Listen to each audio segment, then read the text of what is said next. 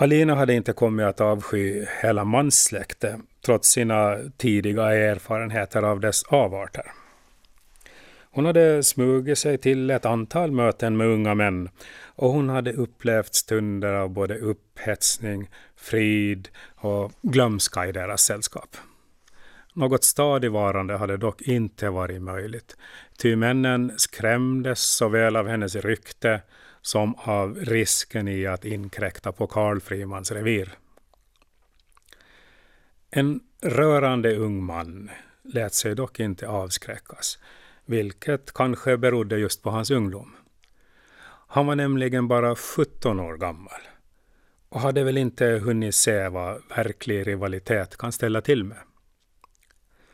Karl hade heller inte tagit honom i upptuktelse när han inte tog en sådan parvel på allvar.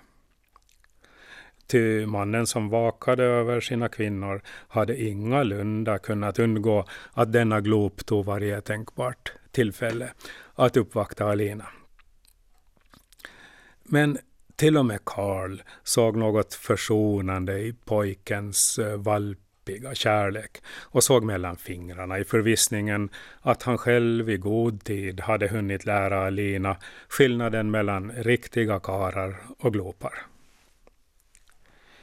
Alina tog väl heller inte den pojkaktiga förälskelsen på fullt allvar.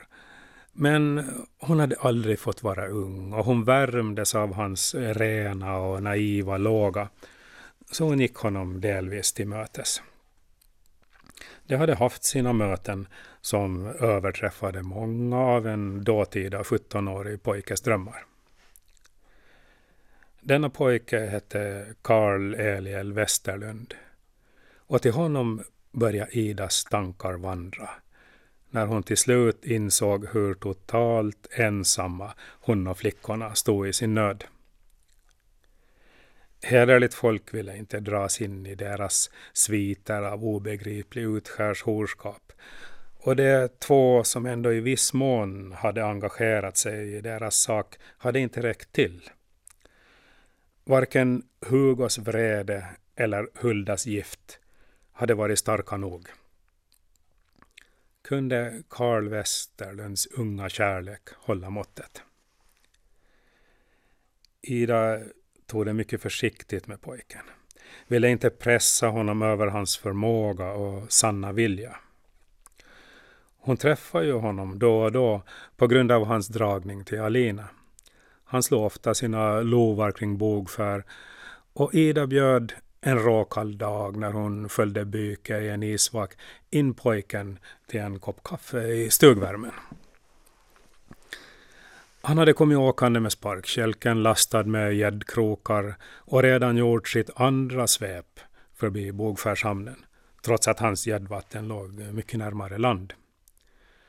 Han blev förstås salig över inbjudan att stiga in under Alinas tak. Ida såg till att de unga fick tid att samtala och umgås medan hon såg efter barnen och skötte alla de ständiga sysslorna i huset. Först när pojken till slut började packa sig iväg sökte hon sig ner till bryggan där han hade sin kälke. Ja, det var roligt att du kom hit ut, Karl. Alina blev så glad. Hon har det inga så lätt annars. 17-åringen var lite trävande i sin hållning, ovan vid att en tant tilltalade honom så jämlikt.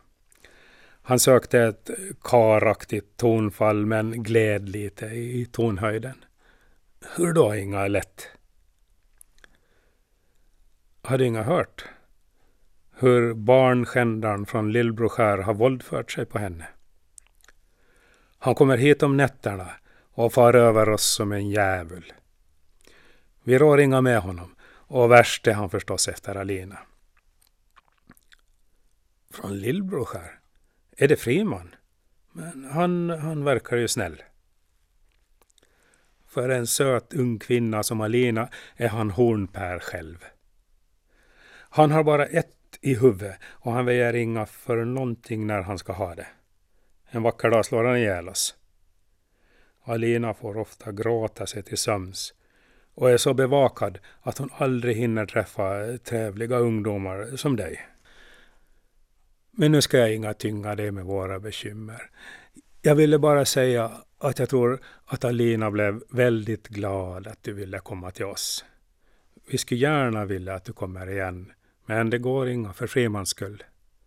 Han ger sig på dig om han förstår att Alina tycker om dig. Kom inga ofta, för då blir han vild.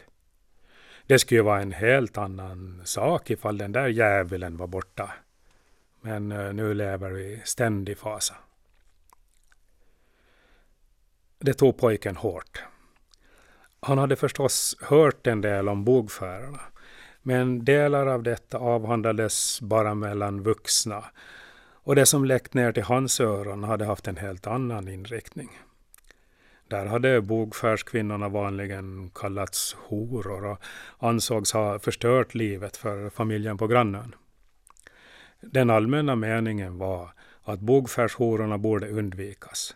Men Karl Westerlund var fritänkare och individualist och därtill bedårad av den söta Alina. De pratade vidare en stund och Ida tyckte sig se att pojken blev mera arg än rädd när han hörde om hotet från Friman.